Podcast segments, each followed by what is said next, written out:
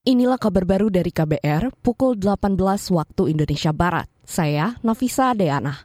Badan Nasional Penanggulangan Bencana BNPB memperkirakan awal tahun 2024 berpotensi terjadi bencana hidrometeorologi basah seperti banjir dan tanah longsor. Kepala BNPB Suharyanto mengatakan, berdasarkan pengalaman pada tahun sebelumnya, bencana hidrometeorologi basah itu akan terjadi awal tahun hingga Maret mendatang. Bulan pertama ini kita sudah sampaikan bahwa yang akan terjadi banjir, tanah longsor, Jawa Barat, Jawa Tengah, Aceh. Ternyata terbukti. Jawa Barat ini beberapa titik. Berapa titik? Bang, tanah longsor, Kabupaten Bandung. Hari ini Dayakolot banjir. Ya, itu kan memang bisa diprediksi. Hmm. Begitu musim hujan turun, pasti daerah-daerah itulah yang mengakibatkan banjir. Nah kemudian di bulan Februari, Maret dan berikutnya. Nah ini data-data ini kita berikan kepada pemerintah daerah supaya pemerintah daerah juga sudah menyiapkan dirinya. Kepala BNPB Suharyanto memprediksi cuaca ekstrim yang menyebabkan kemarau panjang El Nino akan berakhir tahun ini. Meski begitu, dia mengatakan antisipasi terhadap kebakaran hutan dan lahan atau karhutla tetap dilakukan, terutama di wilayah rawan seperti Papua Selatan,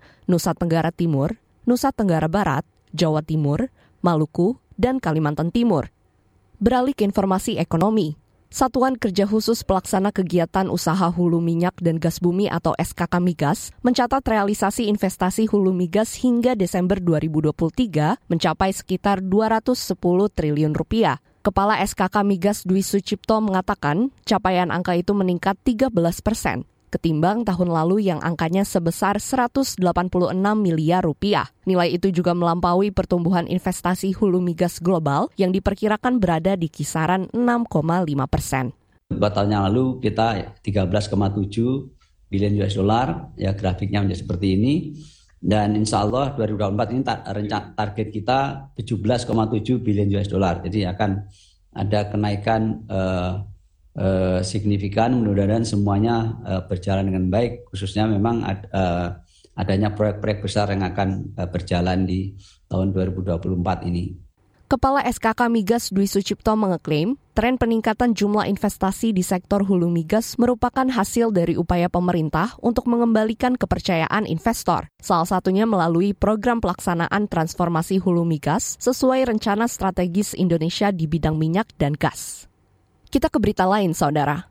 Pemerintah masih mengevaluasi kemungkinan kenaikan harga eceran tertinggi atau HET minyak goreng subsidi minyak kita. Dikutip dari Antara, Sekretaris Jenderal Kementerian Perdagangan Kemendak Suhanto mengatakan perubahan harga minyak kita tidak bisa diputuskan oleh satu kementerian saja, melainkan harus melibatkan banyak pihak, termasuk Kementerian Koordinator Bidang Perekonomian, Perwakilan Industri, dan Konsumen. Suhanto mengatakan dalam menentukan perubahan harga minyak kita diperlukan berbagai pertimbangan seperti biaya logistik, biaya produksi, hingga efeknya terhadap konsumen. Evaluasi harga eceran tertinggi minyak kita diperlukan lantaran aturan terkait penjualan minyak goreng rakyat itu telah berlangsung selama satu tahun. Head minyak goreng kemasan selama ini dibanderol Rp14.000 per liter dan minyak curah Rp15.500 per kilogram. Aturan ini tercantum dalam surat edaran tentang pedoman penjualan minyak goreng rakyat. Aturan itu juga melarang penjualan minyak goreng rakyat secara bundling atau penjualan beberapa produk yang dikemas menjadi satu paket. Inilah kabar baru dari KBR pukul 18 waktu Indonesia Barat. Saya Nafisa Deana.